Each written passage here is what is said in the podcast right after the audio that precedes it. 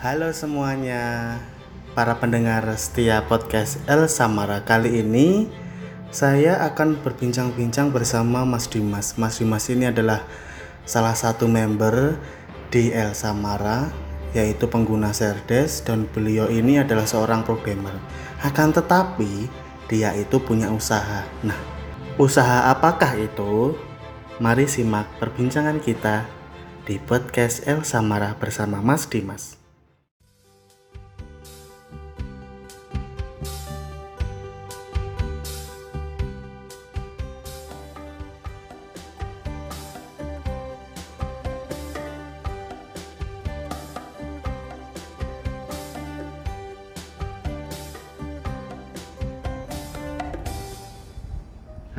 Dimas. Halo, selamat pagi Mas. Ya. Apa? Ini terima kasih eh, karena Mas Dimas telah hadir di podcast El Samara. Ya, sama-sama saya juga terima kasih maksudnya sebuah kehormatan juga gitu bisa diundang ke acara podcast seperti ini dan ini ya baru pertama kali Baru saya pertama juga sih kali kayak ya. Iya. Kalau di El Samara ngapain aja sih Mas? Mas Dimas ini? Nah, kalau untuk Del Samara nih sebenarnya saya tuh kan programmer gitu kan. Jadi Ah. di sini saya pakai Serdes tapi ya saya pakai Serdes itu kan yang udah yang member apa ya bulanan istilahnya kan yang Hmm. Terus habis itu ke mana Mas? Nyari kerjanya terus kok maksudnya langsung ketemu kerja di Bogor atau gimana? Oh, enggak jadi eh, jadi waktu itu Nah, sebenarnya waktu saya lulus D3 itu saya udah sudah kerja tadi. Hmm. Jadi waktu S1, nah itu kan waktu S1 yang ekstensi itu kan kuliahnya malam tuh. Jadi kayak kuliah karyawan gitu loh. Hmm. Jadi eh, habis maghrib jam setengah tujuh itu mulai masuk kuliah. Kemudian kalau misalnya cuma satu mata kuliah itu ya jam 8 setengah sembilan udah keluar gitu. cuma kalau misalnya kadang juga ada dua mata kuliah itu sampai malam kuliahnya Hmm. jadi eh dari jam setengah tujuh itu sampai jam setengah sebelas jam 10 gitu sampai kayak gitu nah terus eh, karena paginya itu kan banyak yang waktu kosong akhirnya saya nyambi kerja ibaratnya Iya. gitu. Kan ya lumayan bertambah waktu itu saya kerjanya di eh, agent travel umroh gitu. Nah di situ saya sebagai programmer juga. Kemudian ya staff IT lah jadi kayak programmer juga. Terus Hmm.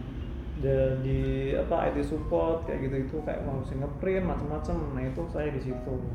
Itu saya kerja jadi saya kerja sambil kuliah tuh waktu S1 nya waktu ekstensi sampai tahun sampai mau kuliah eh mau lulus. Nah waktu pas mau skripsi karena skripsi kan tahu sendiri harus fokus gitu kan ya. Mhm. harus fokus ya udah akhirnya saya kuliah eh kerjanya yang di travel umroh itu saya berhenti gitu. Eh, saya resign kemudian saya fokus untuk skripsi. Nah waktu skripsi ternyata ya pas awal-awal sih emang iya kita harus fokus gitu kan. Nah setelah kita udah dapet apa ada udah dapet alurnya gitu kan ya maksudnya udah tahu oh mau ke sini ke sini. Kan kalau skripsi kan eh, kuliahnya udah selesai. Jadi maksudnya eh, pelajaran apanya regulernya itu kan udah nggak ada. Jadi kita kayak cuma fokus itu dan itu pun eh, di malamnya tuh udah nggak ada kuliah gitu. Hmm.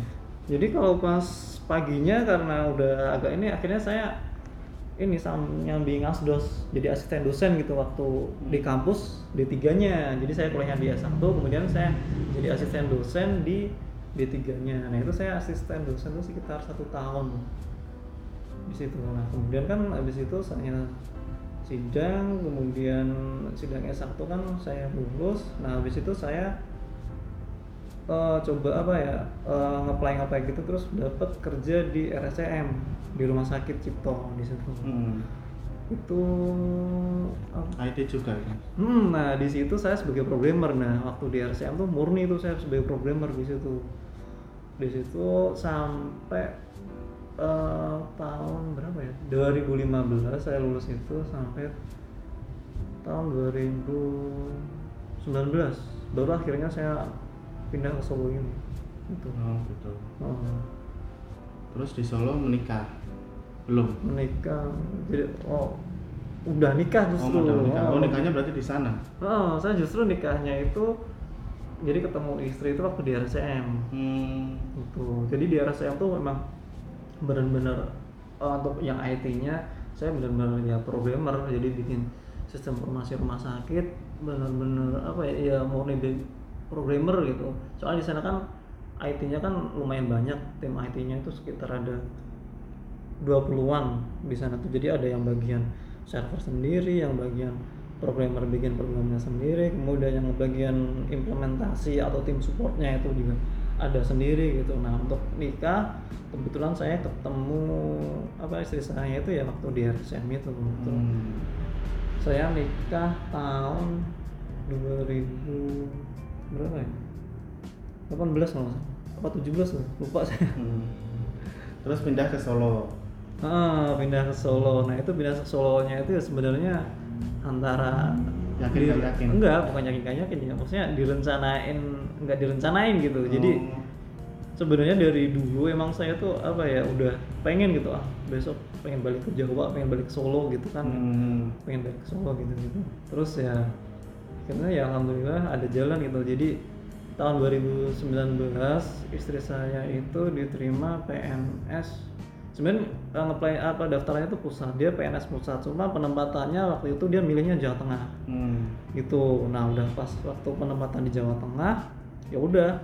Kita semua apa namanya administrasi kependudukan jadi KTP-nya itu kita pindahin semua ke sini gitu. Nah kebetulan saya kan rumahnya kan di Gemolong di Sragen gitu kan. Jadi Hmm. eh, saya ngikut orang tua jadi tempat lahir saya itu kan di Gemolong. Jadi waktu pas tahu keterima di PNS di Jawa Tengah terus kita langsung pindah KTP di eh, Sragen gitu. Jadi pas waktu pemberkasan. Jadi kalau PNS itu kan habis lulus itu kan ada pemberkasan. Hmm. Nah, waktu pemberkasan kita KTP-nya udah pindah di Sragen gitu kan. Dengan harapan nanti penempatannya itu biasanya kan nggak jauh-jauh dari domisili KTP-nya gitu ya. Alhamdulillah dapet lah di situ di Sragen gitu. Nah, jadi eh, istri saya kan pindah. Jadi pindahnya itu ya antara rencana nggak direncanain gitu kan kebetulan dapet. Terus waktu di RSM sebenarnya tuh saya masih ada kontrak eh sebenarnya kontraknya itu kan lima tahun ya Iya. lima tahun gitu terus ya mau nggak mau itu sebelum baru empat tahunan apa tiga tahunan gitu lah saya saya lepas tuh yang di sana gitu loh. Hmm. ya udah auto- karena jadi sebenarnya pertimbangannya tuh karena waktu itu saya juga punya anak gitu kan anak saya waktu itu masih umur setahun setengah lah gitu kan. Nah sedangkan istri saya kan waktu di PNS itu kan ada kayak latsar gitu kan ya kayak diklat gitu lah dan itu Hmm. kan harus apa ya waktu itu harus eh, di daerah Magelang Semarang gitu. Pokoknya bolak-balik di dua kota itu sekitar satu bulan nah habis dari situ balik pindah ke Ambarawa itu sekitar sebulan. Jadi total total tuh hampir dua bulan itu ya di sana gitu. Ya sedangkan anak saya siapa yang megang gitu kan? Hmm. yang mau nggak mau ya udah saya ngalah dulu.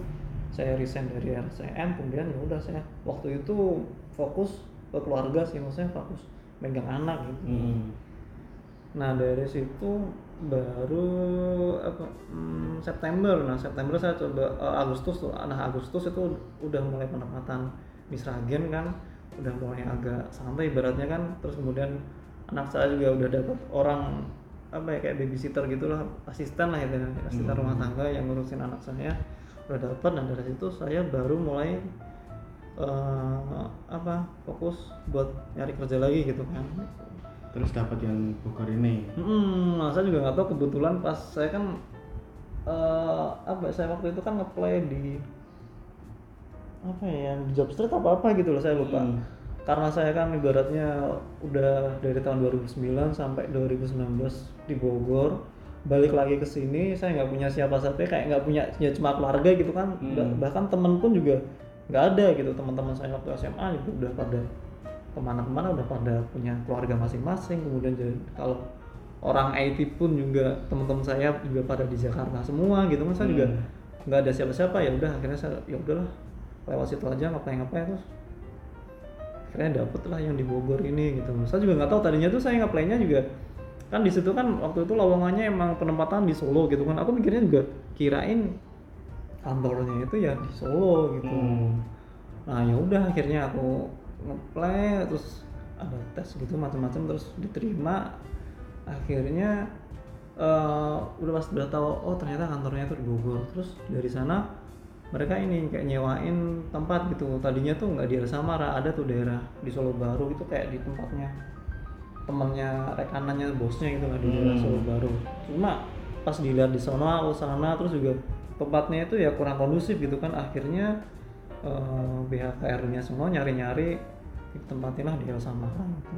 Oh, berarti memang ke El Samaranya itu memang bukan kehendaknya dari Mas yang dari Iya, sebenarnya dari dari sananya gitu. Iya, jadinya saya tahu El Samaranya, El Samara juga dari HRD-nya sono sih saya Hmm. ditempatin di working space di sini gitu. Ya mungkin waktu itu dia searching-searching gitu kali ya di Google atau gimana. Terus ya kayaknya kebetulan yang paling ini kan El Samara ya kalau udah di Hmm. Google gitu kan. Hmm. Terus juga apa namanya? Aku kan juga iseng-iseng tuh pas pertama kali ke sini, kemudian aku searching kan El Samara gitu. Ternyata pas di mapnya juga ba- bagus gitu kan ratingnya, Hmm. oh gitu. Saya juga baru tahu ternyata di Solo tuh ada tempat kayak gini gitu. Hmm. Soalnya pas waktu masih saya di Bogor di Jakarta itu juga udah ada, cuma waktu itu masih dikit gitu. Hmm. Nah terus kan juga waktu di Jakarta itu RSM di Jakarta itu kan eh, yang murni kerja kantoran, jadi saya jarang gitu main di kayak di komunitas apa apa gitu jarang banget. Hmm. Saya baru tahu misalnya di Solo oh ternyata ada ada juga tempat kayak gini gitu. Apa ya?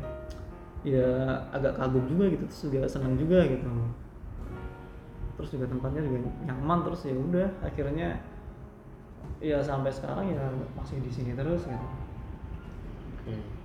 Itu dengar-dengar Mas Dimas ini lagi merintis usaha di bidang kuliner, terkhususnya di ya di pasaran boba-boba gitu. oh iya iya iya iya benar sekali mas Nah itu gimana awalnya mas? Atau mungkin sudah terencana atau mungkin wah ada konsep baru atau gimana gitu? Eh, direncanain eh, sebenarnya bukan apa ya ya kayak tadi sih kayak waktu kayak punya pengen lah angan-angan pengen pindah balik lagi ke Solo gitu kan Hmm. itu juga waktu di Jakarta pun saya juga udah pengen gitu ah nanti kalau misalnya balik ke Jakarta eh balik ke Jawa kita pengen lah coba nanti kayak jualan usaha gitu kan Hmm. minuman atau makanan atau apa gitu kan cuma waktu itu yang terpikir di saya sih ya minuman gitu tapi Hmm. waktu itu nggak tahu mau bikin minuman apa gitu soalnya Hmm. bisnis minuman itu ya kalau menurut saya itu paling simpel gitu Iya. nggak seribet kita bisnis kuliner gitu kan. Apalagi kalau minuman yang yang saya bikin ya itu kan minuman boba gitu kan ya. Yang sekarang ini terus kan bahannya kan dari macam kayak serbuk-serbuk bubuk gitu kan ya. Ada Hmm. juga yang kayak apa kayak pakai teh gitu kan. Hmm.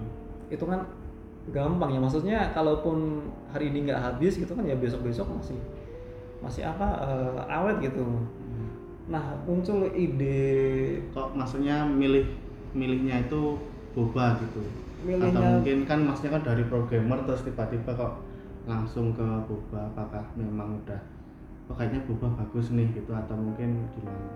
eh, boba banyak sih faktornya kenapa saya milih minuman boba gitu yang pertama gini saya kan waktu itu eh, waktu di Jakarta programmer gitu kan ya gajinya kan ya dibilang banyak juga enggak oh, lumayan lah gitu kan. Hmm.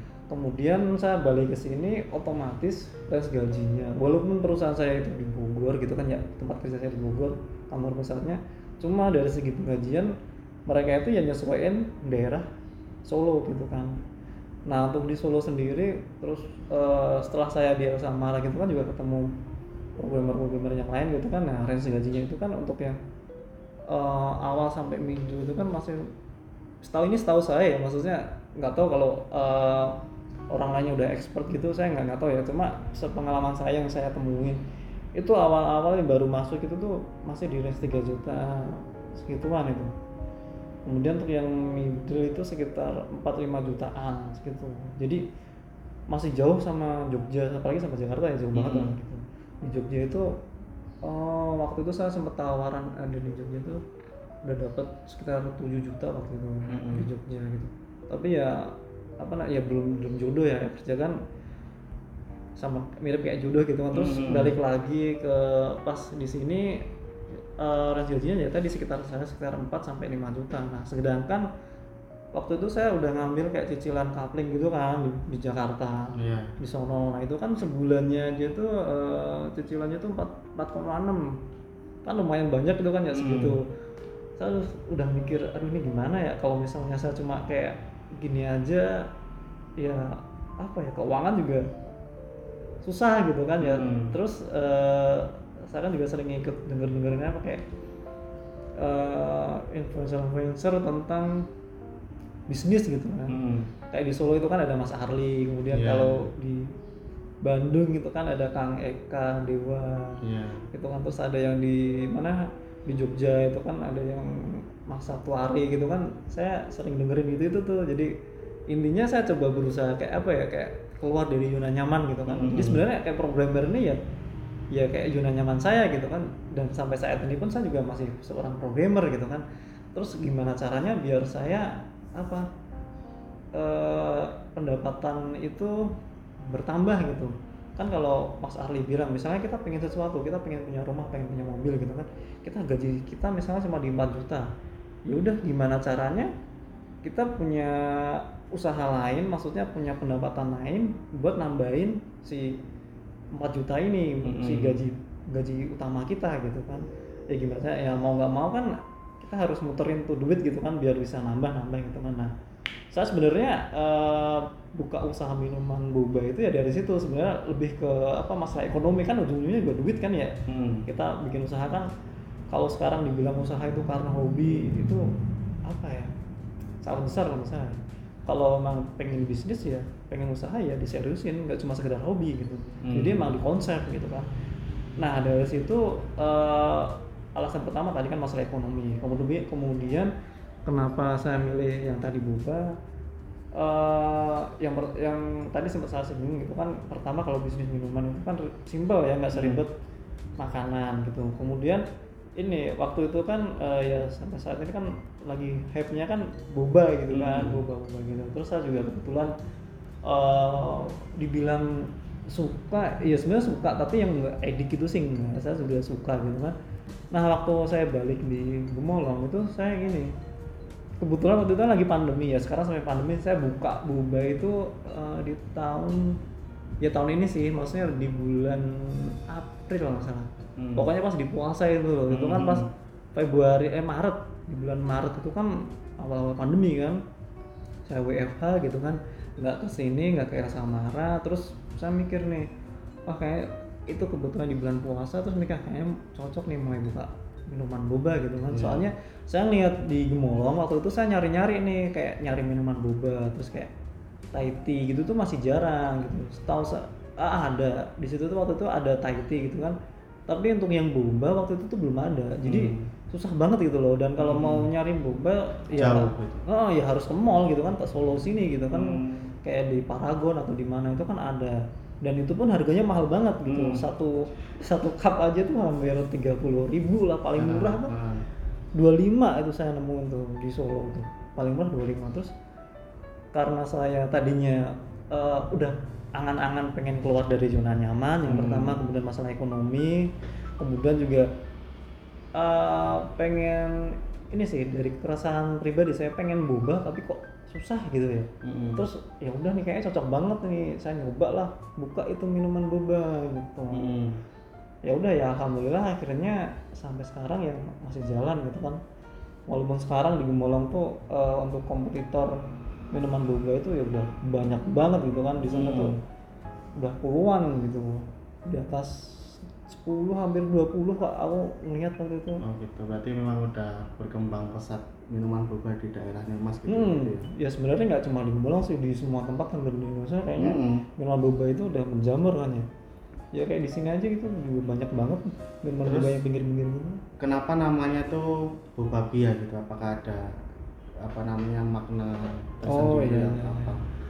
Untuk penamaan sendiri itu eh, sebenarnya nggak ada arti khusus sebenarnya Bia itu sebenarnya nama anak saya gitu kan jadi Hmm. Bia jadi nama anak saya itu sebenarnya namanya kan Nabila Mm-mm. cuma eh, karena waktu kecil gitu kan dipanggilnya kan Bia Bia jadi kan nggak bisa ngomong, L waktu itu Bia Hmm. jadi namanya siapa deh Bia gitu padahal kan sebenarnya itu Nabila gitu. Hmm. kalau sekarang sudah bisa terus ya udah ya udah pakai aja itu namanya boba Bia gitu kan kayaknya boba itu kan identiknya kan bulat-bulat gitu kan ya. Iya. terus boba dia gitu kan depannya huruf BB terus kayaknya matching juga gitu kan di Hmm. di apa sih Disebutin udah. Eh, kayak kalau orang Jawa tuh kayak kuda kadek gadok gitu kan ya terus Hmm. oh ya udahlah nyoba aja terus ya udah waktu itu saya bikin dengan brand boba bia kayak gitu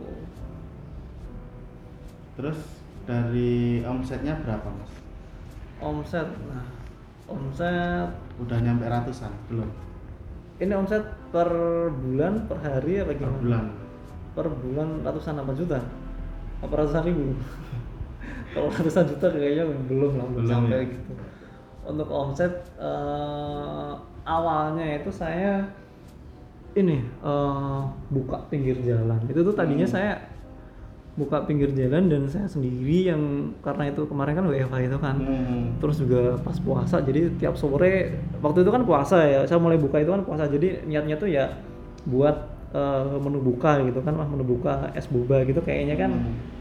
seru gitu kan unik gitu pas waktu itu awal-awal saya buka itu omset sehari berapa ya ya pas baru buka pertama kali sekitar 150 gitu itu sehari Hmm. 100 150 gitu itu sehari itu saya buka itu sore jam setengah lima kan Hmm. pokoknya habis asar tuh, habis asar itu saya dibantu sama tadi yang asisten rumah tangga itu saya dibantu Hmm.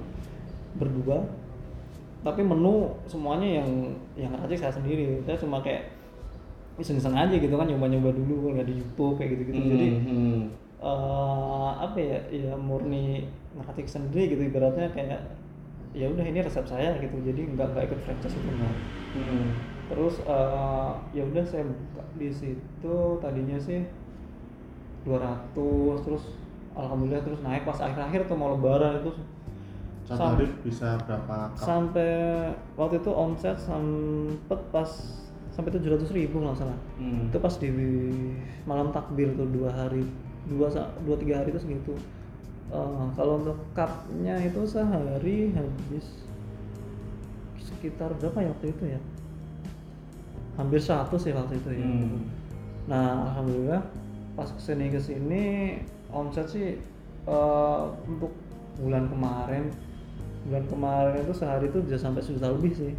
Hmm. itu kalau sekarang rata-ratanya itu ya sekitar 900 untuk yang bulan sekarang ya itu sekitar 900 sampai sejutaan sih sekitar referensi gitu Hmm. Jadi memang dulu memang awalnya itu dari mas sendiri yang terjun gitu. Jadi kayak ngeracik iya sendiri gitu terus melayani pelanggan sendirinya. iya sendiri semuanya jadi semuanya apa saya waktu itu sendiri jadi sampai saat ini pun juga ya udah alhamdulillah sekarang kan waktu itu kan emang pinggir jalan jadi Hmm. tadinya tuh saya pinggir jalan cuma pakai meja doang kemudian Hmm. saya nyetak tuh yang MMT itu kan Hmm. saya di bawahnya mejanya saya tuh saya buletin gitu ada tulisan Bobabia gitu terus terus juga ada kayak apa ya kayak eh, apa sih istilahnya kayak papan reklama bukan papan reklama itu terlalu gede ya kayak Kayak papan nama gitu ya. bukan kayak kayak X banner gitu loh Ah. Se- segede X banner cuma waktu itu kan karena dana terbatas jadi saya tuh modal awal tuh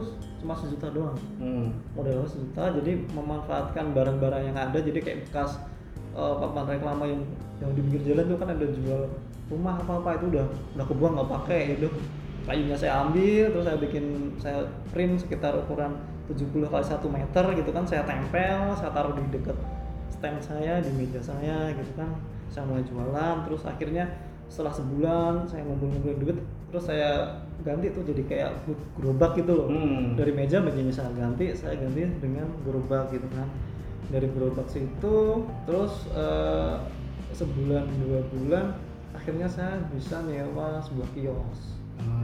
nyewa kios nah setelah saya pindah nyewa kios itu ya alhamdulillah omset naik terus tuh waktu di situ waktu itu eh, tiga bulan kemarin lah bulan Agustus kemarin kalau salah itu kan Hmm. saya pindah nah di situ ya alhamdulillah tuh omset sehari itu bisa sampai lima ratus gitu Hmm. Juta lima ratus yang tadinya modal cuma sejuta kemudian ya alhamdulillah bisa sampai sempet waktu itu paling banyak itu sehari itu omset dapat sejuta tujuh ratus. Hmm. jadi kayak cuma jualan minuman gitu doang. Iya.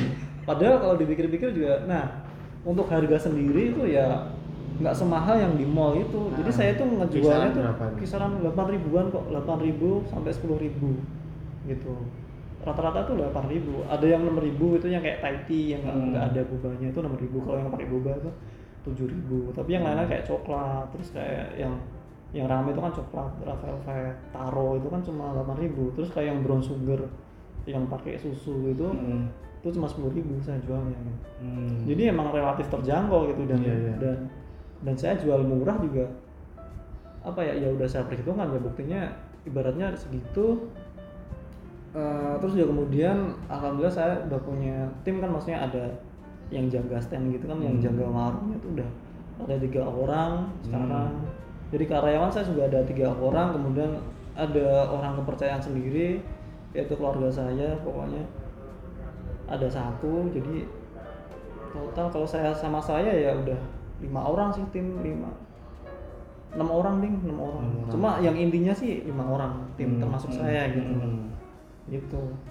Kemudian ya kenapa apa ya itu kan tadinya omset dari 200 eh 150 kemudian sampai bisa sampai sejuta jutaan gitu kan. Ya itu nggak apa ya saya juga belajar gitu. Iya, ya iya. karena saya apa namanya ibaratnya saya udah mulai bisnis gitu kan. Eh jadi ya ditekuni gitu. Jadi nggak nggak asal-asalan ah coba Hmm. Coba jadi saya benar-benar kayak keluar dari zona nyaman saya nyoba mulai pengen jadi pebisnis gitu loh ya walaupun skalanya masih kecil ya itu kan masih UKM ibaratnya kan Hmm. belum yang CV atau yang PT gitu kan cuma ya di situ saya banyak belajar ya dari di sini juga sih maksudnya di Samara sini juga banyak ketemu banyak orang gitu kan terus juga saya ikut kayak apa ya gimana sih cara eh, beriklan yang bener cara Hmm. bikin ngelola konten di Instagram yang bener gitu saya juga Hmm. sampai sampai saat ini pun juga saya kayak ikut apa sih kayak kursus online gitu ya yang Hmm. tentang copywriting gitu Oh, gitu. saya sampai bener-bener ikut kayak gituan gitu loh Hmm. bahkan kemarin eh, dan itu pun berbayar gitu terus waktu itu saya juga ikut ikut seminarnya yang punya Mas Arli itu kan berbayar saya juga ikut jadi emang ya all out gitu nggak nggak setengah-setengah gitu kan Mhm. bisnis ini gitu kan terus juga apa namanya eh, untuk foto produknya pun saya juga nggak ini bayar orang food photographer sendiri gitu kan. Ya jadi ya, ya emang benar-benar diseriusin gitu ya alhamdulillah. Eh, sampai saat ini sih masih masih bisa sih gitu. Walaupun kompetitornya sekarang juga udah sangat banyak banget gitu. Hmm. gitu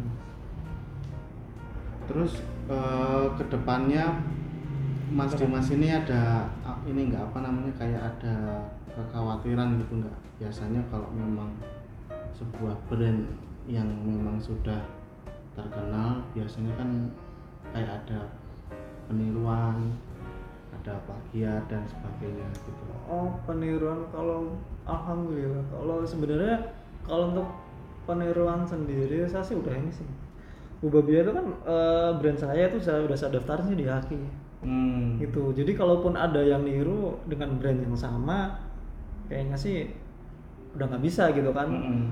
saya bisa nuntut gitu ya cuma eh, cuma kan kalau apa namanya kalau brand saya sendiri kan ya baru merintis gitu kayaknya juga siapa sih yang mau niru gitu kan cuma ke depannya saya mimpi saya itu ya saat ini kan masih baru satu outlet gitu kan ya Hmm. pengennya itu ya bisa buka banyak cabang gitu kan gitu. Hmm. cuma ya masih ini masih saat ini sih pengennya juga masih ngembangin terus gitu kan Iya, dan iya. bahkan saya juga ini kok rencana kayak bikin kayak apa ya bikin punya rekanan atau kerjasama gitu Mm-mm. kayak mau yang pengen franchise gitu juga silahkan saya juga bisa gitu ataupun Hmm. ada yang pengen join pengen buka dengan nama Bobabia kemudian dengan sistem kerjasama Hmm. itu dengan sistem baik hasil saya juga open gitu jadi Mm-mm. sangat terbuka sekali nanti kalau ada yang denger pengen jualan minuman boba kemudian eh, nggak mau ribet gitu apa nggak mau ribet bikin resepnya gimana ya bisa sih kontak saya gitu Ya. jadi ke depannya juga emang gitu sih pengen ekspansi lagi gitu Eh, franchise berarti ya franchise ataupun cabang gitu Oke.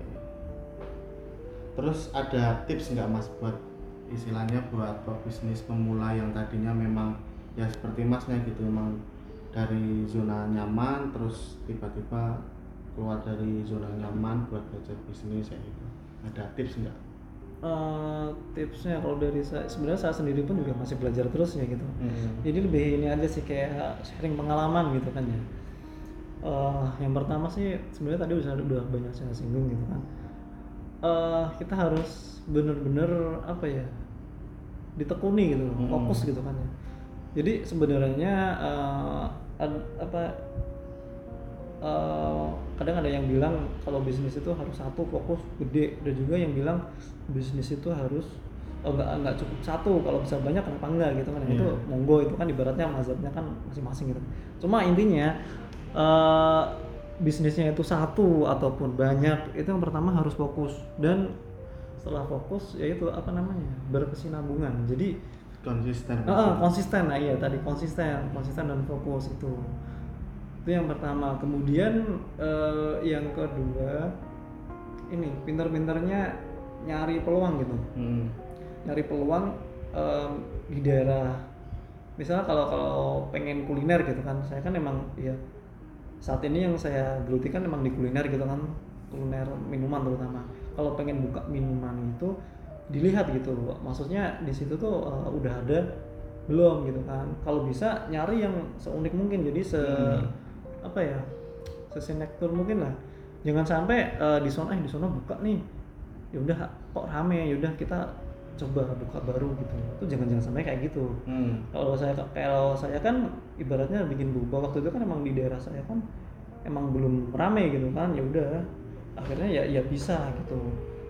Oh ya sih itu. Jadi dua itu sih intinya. Pertama ya eh, konsisten. Yang kedua coba cari yang unik gitu. Jangan kita niru-niru gitu. Hmm.